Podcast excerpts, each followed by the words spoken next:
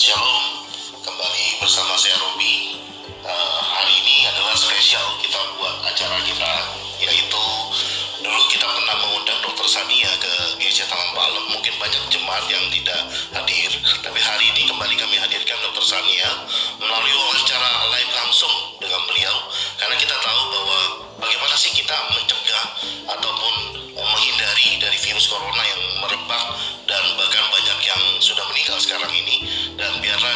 bisa tetap tenang dan bagaimana menghadapinya. Nah hari ini telah hadir di di tempat kita pada hari ini kita kumpul yaitu Dokter Sania. Selamat sore dokter.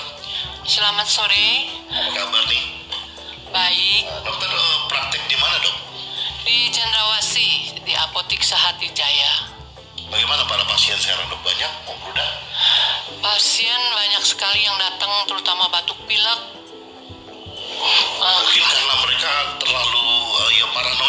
Sekarang ini kan kita tahu bahwa virus corona nih dok kita mau bahas nih. Mungkin dokter sudah jelaskan secara detail pada beberapa minggu lalu di kita di Taman Palem. Tapi saya mau nanya nih supaya jemaat juga makin ngerti apa itu virus corona. Sebenarnya virus corona itu seperti apa sih dok? Oke, virus corona itu sebenarnya eh, virus yang baru ditemukan ya, termasuk eh, golongan yang kita sebut tuh virus RNA yang biasa menyebabkan influenza biasa yang bisa sembuh sendiri. Tapi ini virus corona COVID-19 ini temuan baru dari para ilmuwan yang baru terjadi belakangan ini.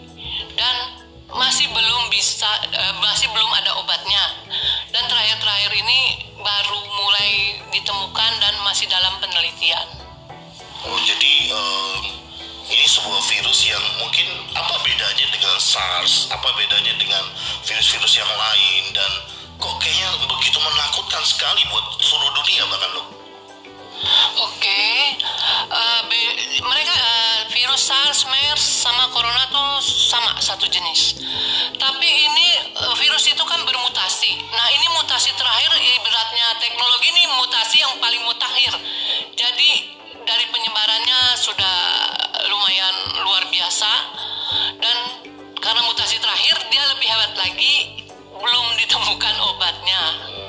sampai sekarang tapi isu yang beredar bahwa sudah ditemukan vaksin di beberapa negara. di beberapa negara. Cina katanya sudah ada segala macam itu betul atau gimana?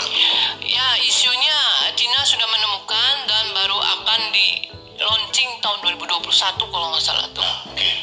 Sebelum pas kita vaksin, bagaimana sih proses penularannya dari eh, dari virus ini, dok? Nah, ini yang eh, penularannya ini yang bisa dari kontak langsung.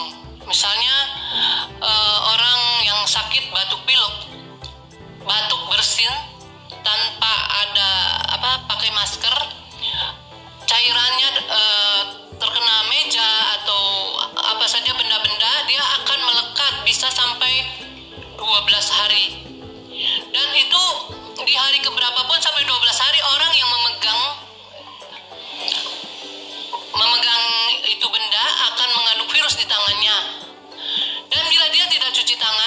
memegang mata mulut hidung itu akan tertular Hmm, jadi eh, penularannya ini tidak melalui kontak fisik saja, tapi nempel barang sesuatu pun kita kena ya, bu, iya gitu ya. iya Jadi virus ini sangat-sangat eh, memang di mana aja ada, dok ya. Iya, bisa di mana aja ada. Kita nggak usah kita ini kita tempel lagi berdiri nempel di dinding ternyata dinding itu kena orang baju kita nempel entah kita buat ngelap lagi baju itu ke muka kita kena juga. Itu langsung kena atau ada ciri-cirinya dulu, dok? Oke, ta- itu pasti kena. Tapi ciri-cirinya seperti influenza influenza biasa, batuk, eh, panas, batuk, pilek. Berapa hari? Berapa hari, dok? itu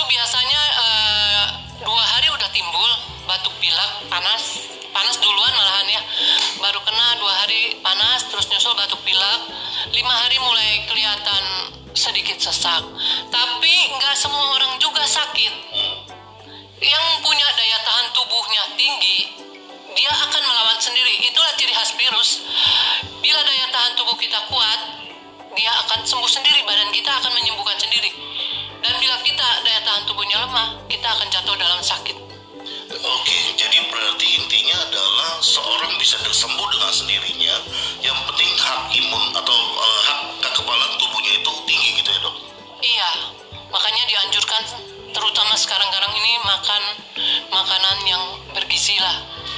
Asal makan ya, makanan enak belum tentu bergizi. Oke, berarti paling cepat penularannya melalui orang dewasa, anak-anak, remaja, atau seperti apa dok? Menurut uh, bacaan, anak balita dan orang lansia. Orang lansia ya, itu penularannya melalui masuk virus itu ke darah atau ke tubuh atau ke mana? Uh, saluran pernafasan. Jadi dia punya sel-sel yang di mana virus itu gampang melekat gitu loh. Oke, berarti uh, virus ini yang dikhawatirkannya adalah seperti apa dok? Dia masuk uh, nempel di saluran nafas, dia masuk ke saluran nafas, dia me menyebabkan infeksi paru. Itu yang paling ditakutkan. Hmm,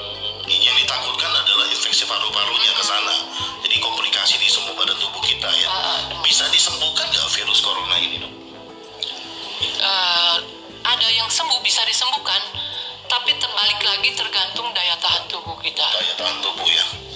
Oke, luar biasa. Nah dok, bila mana nih kita punya saudara, teman yang kita kenal, terus dia terjangkit uh, virus corona, kira-kira kita sebagai teman, sahabat, apa sih yang kita bisa lakukan buat orang itu?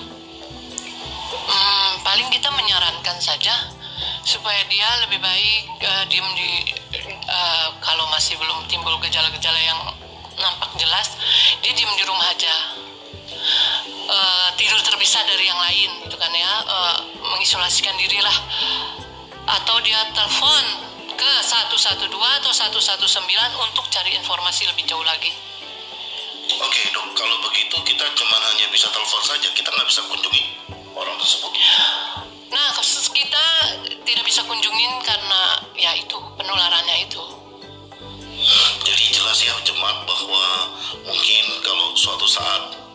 si amit-amit ter, ada yang tertular atau apa pun, kita hanya mungkin pakai media video call, kita mungkin tanya kabarnya seperti itu ya.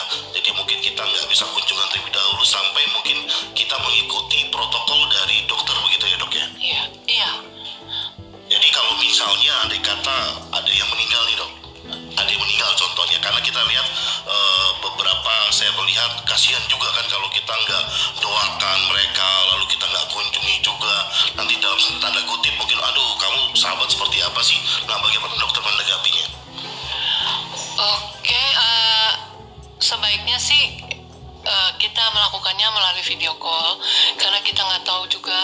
juga sebagaimana daya tahan tubuh kita yang datang di mana orang yang sakit apalagi sudah di rumah sakit itu uh, bersin apa di mana aja kita nggak tahu kita pegang apa bisa kita juga uh, takutnya terjangkit Oke, dok, tahapan saya lupa nih, saya balik ke pertanyaan. Tahapan dari seorang yang ter- terjangkit, terisolasi, mereka itu ada tahap-tahapannya kalau tidak salah. Seperti apa sih tahapannya, dok?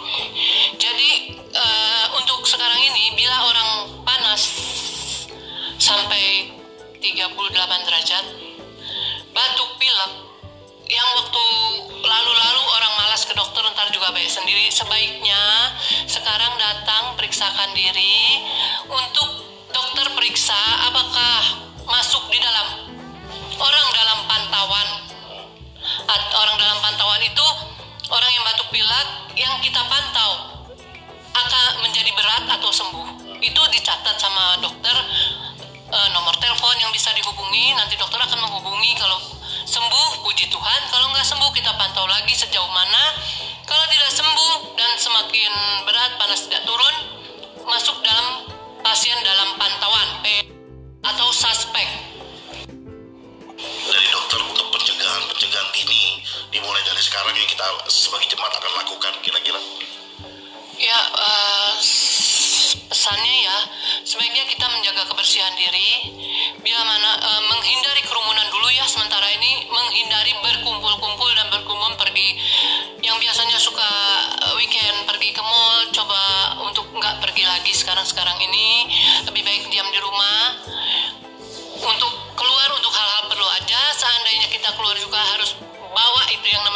sanitizer dan sering-sering cuci tangan yang sakit batuk pilek sebaiknya pakai masker Oke, berarti uh, yang batuk pilek ya berarti hanya orang yang uh, sakit saja yang berhak pakai masker. Orang yang sehat nggak usah ya dok? orang yang sehat tidak perlu pakai masker uh, hanya orang sakit Oke, kalau gitu. Apalagi dok terakhir yang mau disampaikan Uh, lagi ya, untuk sama lakukan etika batuk kalau batuk tutup dengan bersih eh, dengan tisu atau kalau tidak ada tisu tutup dengan lengan siku Dua kata yang baik buat kita semua. Orang yang mudah panik, kesukaannya adalah dia melupakan Tuhannya. Dan orang yang memiliki rasa takut adalah bukti iman sedang tidak bekerja. Mari kita buktikan iman kita kepada orang yang sakit dan panik. Bila hidup kita tetap berdampak bagi sesama. Salam berdampak